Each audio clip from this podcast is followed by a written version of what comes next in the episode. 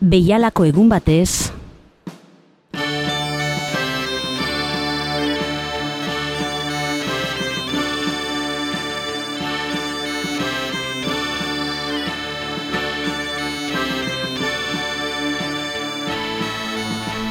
Agur eta ongi etorri eh, Bilbo iria irratiko entzule saren hori. Gure memoria eta oroitzapenak gordetzen duen kutsa irekiko dugu datozen minutuetan. Bertatik, eh, gure herrialdeetan gertatutako jasoera historiko nabarmenak, gertaera esanguratsuak, gure kultura, politika, zein bestelako jardueretan zeresana izan eta eman dutenek bilakatuko ditugu protagonista nagusia.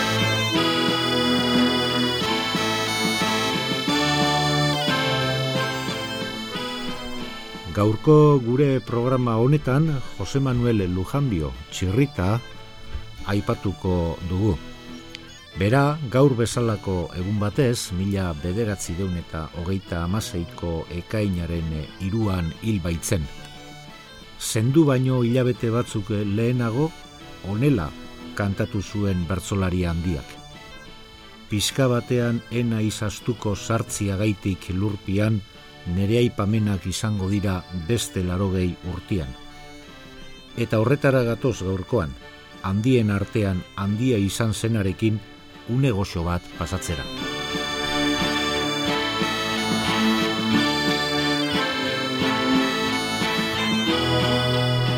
Txirrita zenaren bertso ugari heldu dira guregana, baita bere ahotsa ere bai.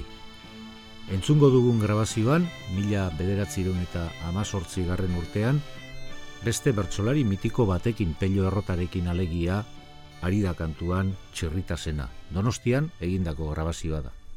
Errespetatu biharko dugu maizu bonen itxar bila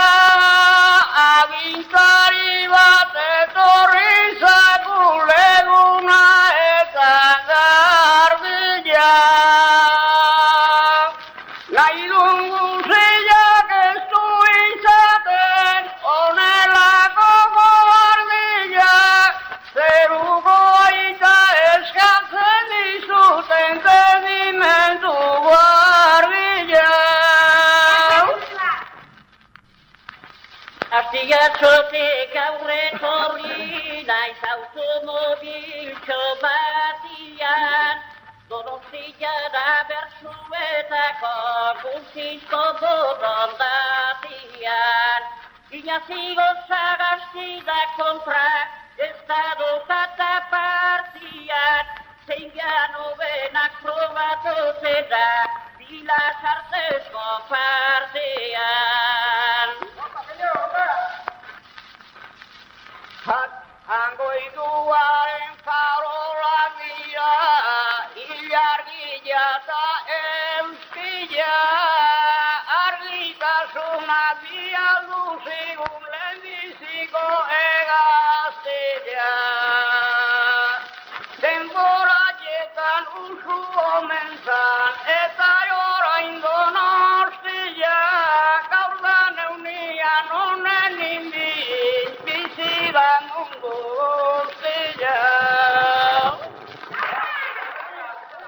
Bai, beraiek eh, dira bi bat haupa tartean donostian eh, egin esaio batean esan bezala, mila behatzion eta mazortzi garren eh, urtean, eh, lenda biziko grabazioa da, bertzolariei eh, eginda eta errekuperatu, errekuperatu zen eh, aspaldiko, aspaldiko partez, eh, pelio errota, komentatzen, nola, beste gauzatzen artean, asteazutik eh, joan aden donostiara eh, automobiltxo batian, eta txirritaren entzun dugun azkeneko bertzoa horrelako figura metaforiko politak eh, erabiliz, eh, jangoikoaren farolak dira ilargia eta eguzkia.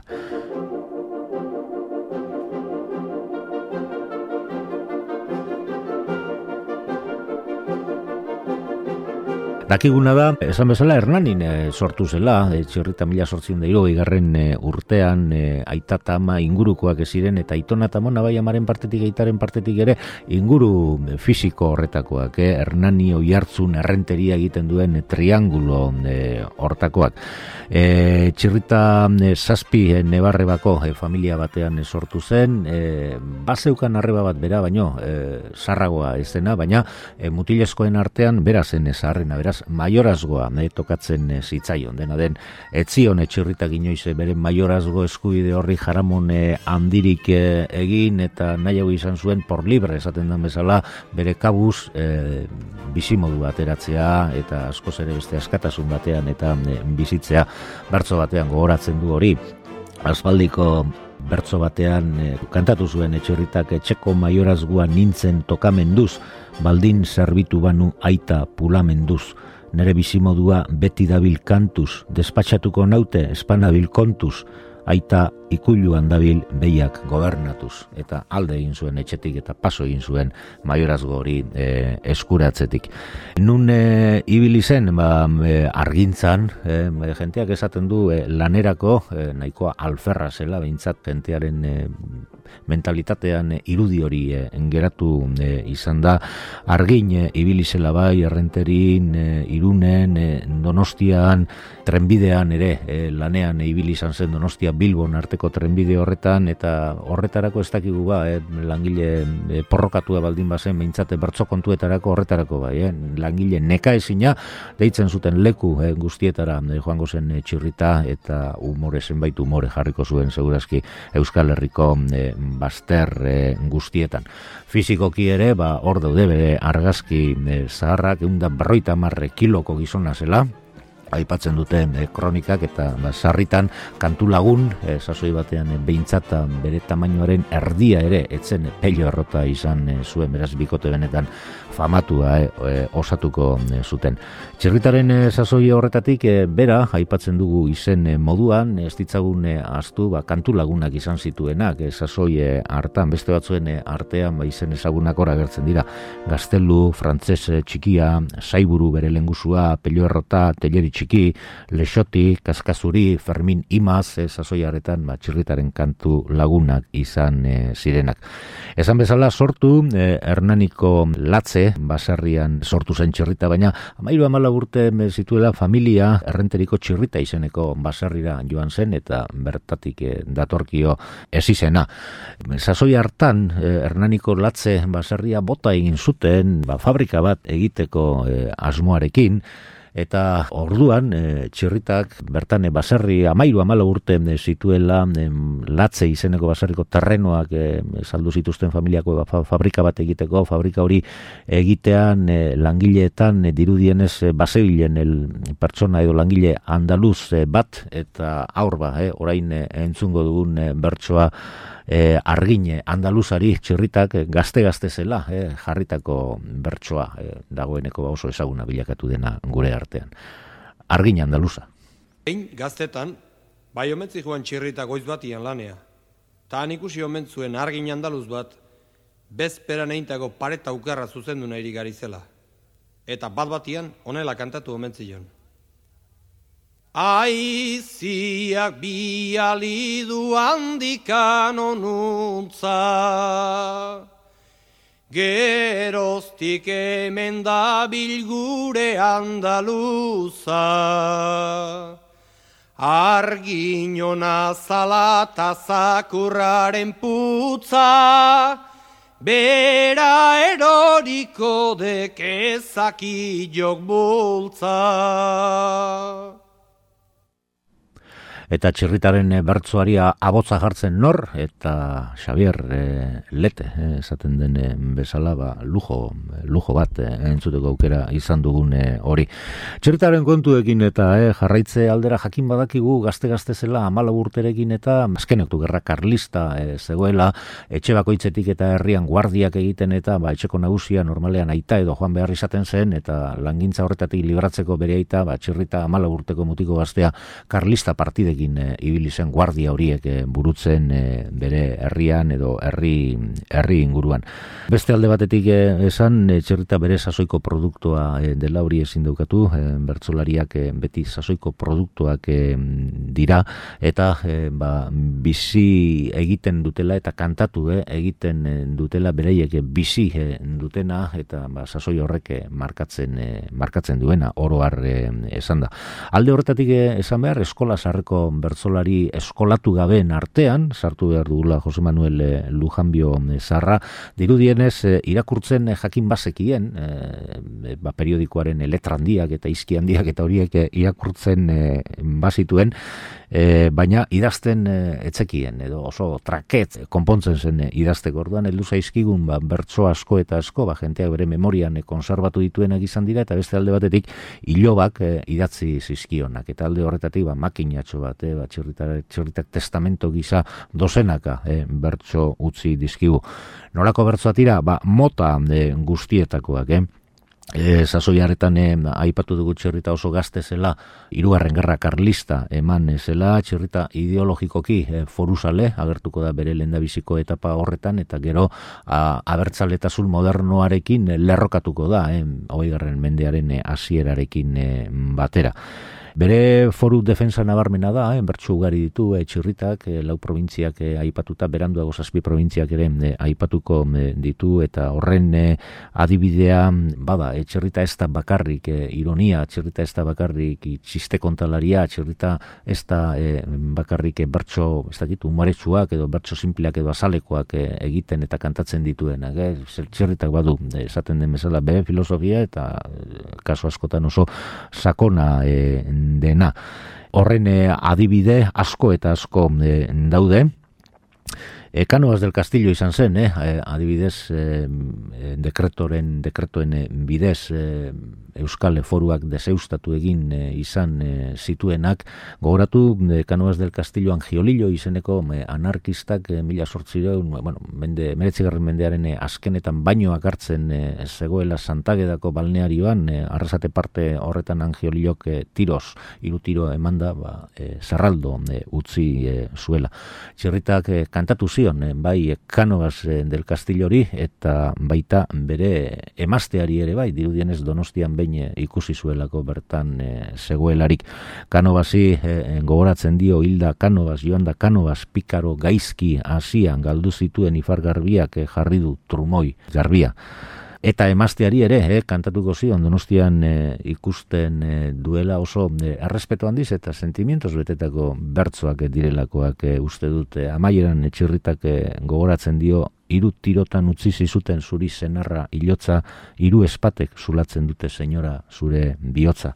Baditu txirritak, eh, esan bezala, bestelako eh, bertsoak eh, ere bai, eh, sasoia bazen, eh, ba, horrelako zurrumurruak eta edatzen zirenean, ba, herri guztietara zabaltzen ziren, eh, momento batean, Aurin azpiko e, atxosarrak, e, hori oso ondo, e, zera, nun dagoen e, leku hori jakin e, nik egi esan e, ez dakit, baina zabaldu omen zuen e, txirrita e, hil egin zela. Eta bulo hori e, gezurtatzeko txirritak e, bertsoak e, jarri e, zizkion.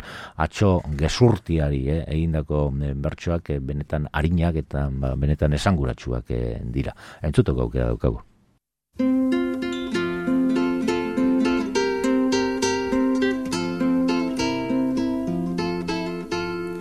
Txirrita hildala sortu omen du aurrinazpiko atxuak Pena galanta hartuko zuten sinareta gurasuak.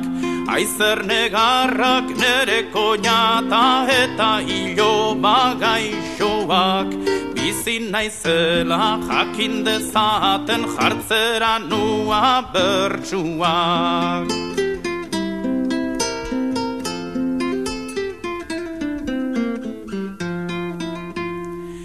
Ize bazar bat bada pamplonan gure etxian azia Artxeke manda hartua naiz ni bataiuaren grazia Argana ere halegatu da hil naizela notizia Koikiara hura anomen da abil guzia lutoz jantzia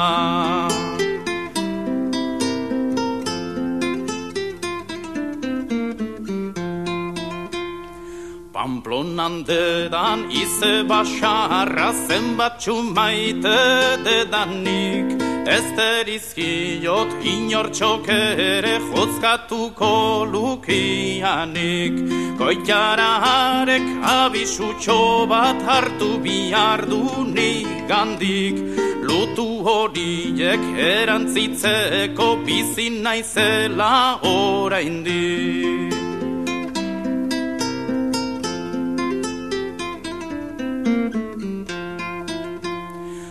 Zeruan dauden santuta santa daude triste ta serio Gure hauzoan bizidan hatxo sorgin bat dala merio Baldin jainkuak salvaziorik horri ematen badio. Humildade eta errezatziak askorik ez du balio. Baldin jainkuak salvaziorik horri ematen badio. Humildade eta errezatziak askorik ez du balio Aurba, txirritak eh, nola bere eriotzaren eh, berri hori ba, gezurtatu egiten duen bertzuen eh, bitartez. Horiek bertzo ironiko horien klasifikazio edo zailkapenaren barruan esartu beharko genituzke, baina ez dezagun ahaztu ba, txirrita bere sasoiko produktori dela eta bere sasoian bizi izan dako ba, zenbait kronika idazten dituela edo kantatzen dituela edo jartzen dituela bertzuen bitartez eta bere e, filosofia, bere sentiberatasuna, e, bere kriterioak eta ba, heldu zaizkigu, berak utzi dizkigunena artean. Gauza asko aipatu litezke, esan e, bezala, baina Euskal Herriko historia adibidez, ba, erromatarren garaiko borrokak, e, lehenda zaharretan e, oinarritutako kondairak eta kontatuko dizkigu, e, txirritak eldeko bide eta osabal e, Euskal buruzagiak e, aipatuko dizkigu bertzo batzu, batzuetan eta ba, erromatar oktabiano ere bai, eta nolakoak ziren e, sasoi hartako borrukak euskaldunak eta erromatarrak e, izandakoa. E, lehen esan bezala, e, foruzale, e, amorratua hasieran eta sortu berri zen ba, bertzaletasunera e, urbildua e, gerora, e, behin da berriro gogoratuko digu hori e, txirritak eta ba, bertzoak hor ditu, ez, beste batzuen artean aipatzen duenean biba arbola maitagarria, biba kantabriatarrak, Biba Bizkaia Gipuzkoarekin Araba eta Naparrak, biba kortean gure favore dauden ministro e, bakarrak. Txerritak bestelako bertsoak ere e, idatziko e, ditu, besteak beste, ba, klase ezberdinen arteko borrokak ere, aipatuko ditu inolako lotxarik gabe filosofiaz beteriko bertsoetan, e, deskribatuko ditu, e, klase desberdinen arteko borroka horiek e, txirritak, eh?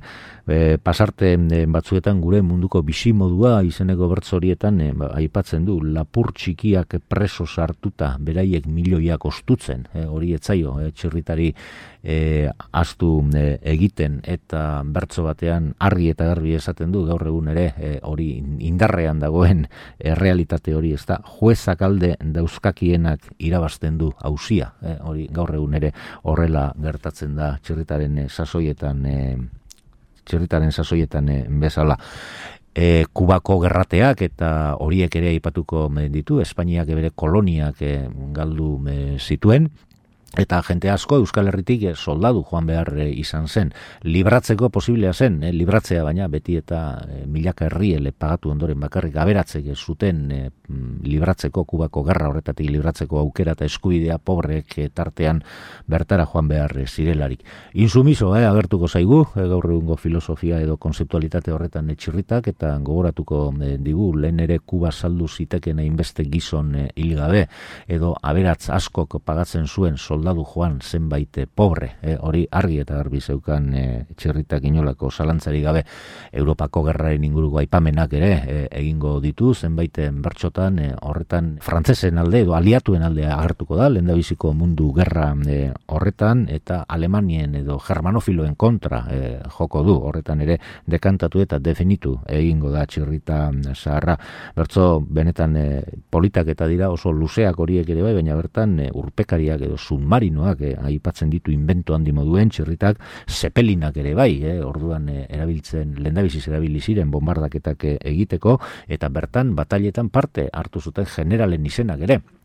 Foch generala edo Peten generala e, aipatuko digu Kaisarra ere bai Alemaniako Kaisarra berdungo batailaren berri ere emango digu bere estilora e, txirritak e, bestelako, eh, gehiagi ez eh, lusatze arreik e, izan dako sasoiaretan industrializazioarekin batera lendabiziko grebak eta konflikto sozialak ere gertatzen dira, bere inguruan, pasaiako portuan adibidez, eta pasaiako portuko grebak aipatuko dizkigu, e, txirritak bertzuen e, bitartez.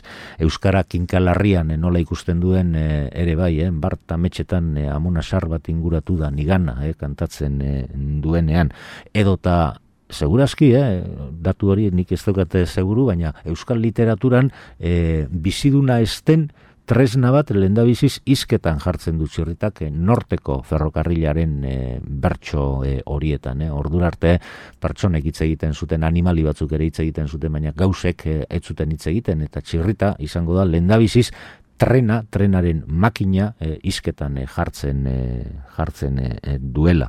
Horretan ere, e, gogoratuko digu txirritak e, orain ur hotzak dabilki trena lehen irakinak e, bezala. Bueno, ba, hori izan zen, e, txirrita besteak beste gauza esan bezala asko eta asko esan daitezke, baina entzuteko ere badukagu e, zerbait. Pasarte polita da, gogorra ere bai, eh, bortitza, eh, alde horretatik, mila sortzileun da laurita bosgarren urtean izan eh, omen zen eh, diostegi eh, izeneko eh, soldadu batek eh, hernaniko partean hartzai bat eh, hil zuen. Hau e, urte asko igaro ziren, e, diostegi hori e, oso sartuta zegoen, e, gorputza makurtuta eta ibili ere bi makulurekin egiten zuen, e, bakarrik bizi zen eskean eta ibiltzen ibiltzen zen eta ez zuen inor maite aurrak ere bildurra eh, omen e, zioten. Eta e, alako e, batean e, ba, txirrita dirudienez fagoiagako tabernan e, zegoen eta diostegi horreta ari ziren e, izketan bas egiten onbait e, diostegi hori taberna horretara agertu behar zela. Eta e, txirritari e, esan e, esan e, zioten, ba, bueno, sartu ala, ba, ia zein izango zen bere erantzuna, eta txerritak, ba, pare bat bertzo, bota e, zizkion e, diostegiri, orain entzuteko aukera e, izango dugu, kronikak kontatzen du, e, bigarren e, bertsoa bukatu orduko, e, diostegik e, kolpe batez basua utzi zuela antxe mai gainean, atera zela, e, handi guztiz e, indignatuta edo guztiz e, berotuta, eta handik egun gutxitara, hil egin zela, diostegi hori batzuk komentatzen dute txerrita kantatutako bertzoen eh, eraginez eh, hil zela. Ona hemen bertsoak. Laro gehi urte pasatu ditu dirudiela etxadia orain bianka karrastakata burua soiltzen asidea izara juak badu beregan makina bat desgrazia Ez dago garai batian bezin, arrua eta lasaia, beste munduan ikusiko du, hemen iltzuen hartzaia.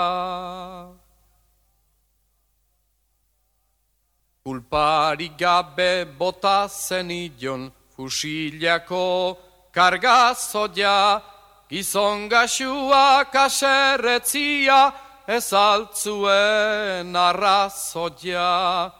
De abruzarrak aditzen dute zure animan usaia, eri jotzaren etor bildurrak estututzen du lasaia, zu bainan gizon formala gozan zukiltzen duen hartzaia zukiltzen nuen, hartzaia, bai, eh, horrela eh, bukatzen da, julen eh, leku ona, eh, zen eh, kantari, horretik eh, Xavier Lete izan dugu, Andaluzaren pareta eta hartzaiaren eh, hori zukiltzen nuen hartzaia, bertzo bi horiek kantuan, eh, julen eh, leku ona.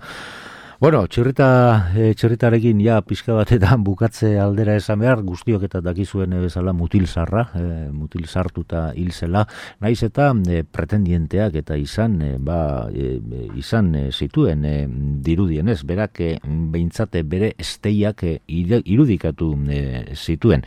E, bertso batean e, horrela dio, hogei eta bi urtetarako nintzan eskondu nahian, iruro eta bederatzitan oraindik nago gaian, e, kantatuko du eta irudikatzen ditu bere esteiak, e, napar sesenak e, ekarri behar zituen e, txirritak eta haie giltzeko bi kastillano, e, matxakito eta bombita, sasoi hartako torero e, ezagunak. E, jana ere, e, tamainokoa izan behar zen, e, berak aipatzen du preste dituela, e, dozen erdi urdai azpiko, aragoiko saltxitxoi eta lukainke ugari, lauka poipare eta sei olio, bankete, izugarriak, azkenean mutil sartuta e, hil zen. Eta agian, mutil sartuta hilko mezitzaigun e, txirrita, ma, semeak gerrara joan ezitel, ezit, ezitezen mutil geratu zen e, gizona, txirrita handia baina e, horrela, e, kantatu de zuen baita, izango dugu aukera bertzo hori ere amuritzata iun maiaren e, zeretik, e, ahotik eta e, entzuteko. Dena den, e, bere bizitzaren e, azkeneko urteak oraindik kantuan e, eman e, zituen, mila bederatzi deun eta hogeita amaseiko gaur bezalako egun batez e, hil zen, e, maiatza partean oraindik e, goizuetan e, kantuan e, zegoela buruko atake batek e, eman zion, eta arrezkero baetzen e, berriro errekuperatu. Ja, sartzaroak e, jota e, altzako gazteluen e, bere arreba gaztea zen Isabel Vicenta e, arreba gaztearen etxera e, erretiratuta zegoen eta bertan hil zen e, bertzolari handia. Esan bezala, semeak e, gerrara joan e, ezite zen, mutilzar geratu zen e, bertzolaria. Txirrita zaharrak gaitza eta zuzen gerra hitza entzunik, hiru bertsoetatik bi hauexe kantatu zituen. Zenbat errezo egin izan den nere denboran elizan, tapozik nago ikusirik kanpakian nola gabiltzan. Ni naizen bezain kobarderikan, inorrezin leike izan, semerik gerra ez joateatik mutil zargel nitzan. Okasiua hara jendiak nola gertalitekian, Obia degu gerratan baino bizi umore onian. Zenbai bezela enaiz izaten, fondetan eta kafian. Gerran gosiak baino naio det naikua jan ezpakian. Aur ba, gu onaino eh, heldu e, gara balio eza, e, gure gaurko programa xume honek e, bertzolari handiari ba, omenaldi txikitxo bat egiteko gusto, gustokoa izan baduzu entzule, ba, postu egiten gara. Hor dago, Jose Manuel Lujanbi horretegi, txerrita handia. Mila zortzi deun hiruro geita, amala urte urrian. Lehenengo plazan kantatu nuen, nik ernaniko lurrian. San Antonio deitzen diogun, ermita baten aurrian. Lagunak alkaristimatuaz, lengo oitura zarrian. Jose Miguelek atera zuen, oso izketa leguna. Hau da gaztiak prezisamente, guk egin behar deguna. Altxa dezagun San Antonio, gaur da beraren eguna. Gaur goiaz txikin dago itxututa, orduko nere laguna. Hango bertsolariak, lau lagun ginean guziak. Hernanin bertan bataiatuak, barri hartan naziak. Jose Miguel ta erramunilak, nita Juan Mari bizilak. San Antonio mereziduta, eman zaizkagun graziak. Irurogeita amar bat urte, badaduzkat bizkarrian. Kargamenturik txarrena hau da, ezin utzi bastarrian.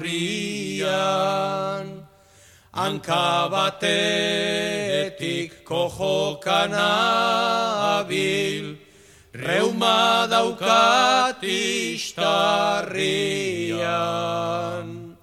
Baino baditut laguntzaileak, ez nago modu txarrian. Gazte gazterik asinitzan da, orain daño bitartian. Zenbait umore eder jarri det, Kantabriako partian. Pixka batian ez naiz aztuko, sartuagatik lurpian. Nere aipamenak izango dira, beste laro gehi urtian. Pixka batian ez naiz aztuko, sartuagatik lurpian. Nere aipamenak izango dira, beste laro gehi urtian.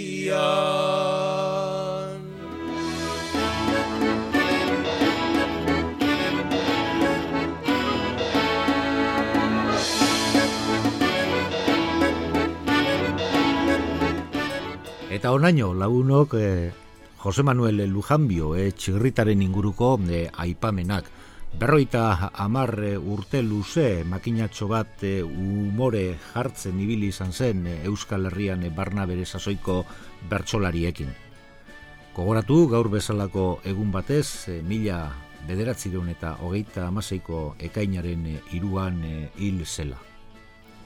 Eta bukatzeko, entzule, jakizu gure memoria eta oroitzapenen eh, gordailu honetan zuk ere lekua daukazula gurekin batera. Mil esker, gurek egoteagaitik eta izan zoriontsu. Urrengor arte.